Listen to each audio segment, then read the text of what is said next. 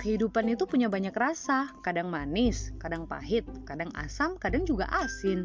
Nah, untuk menjalaninya itu tergantung sudut pandang kita masing-masing.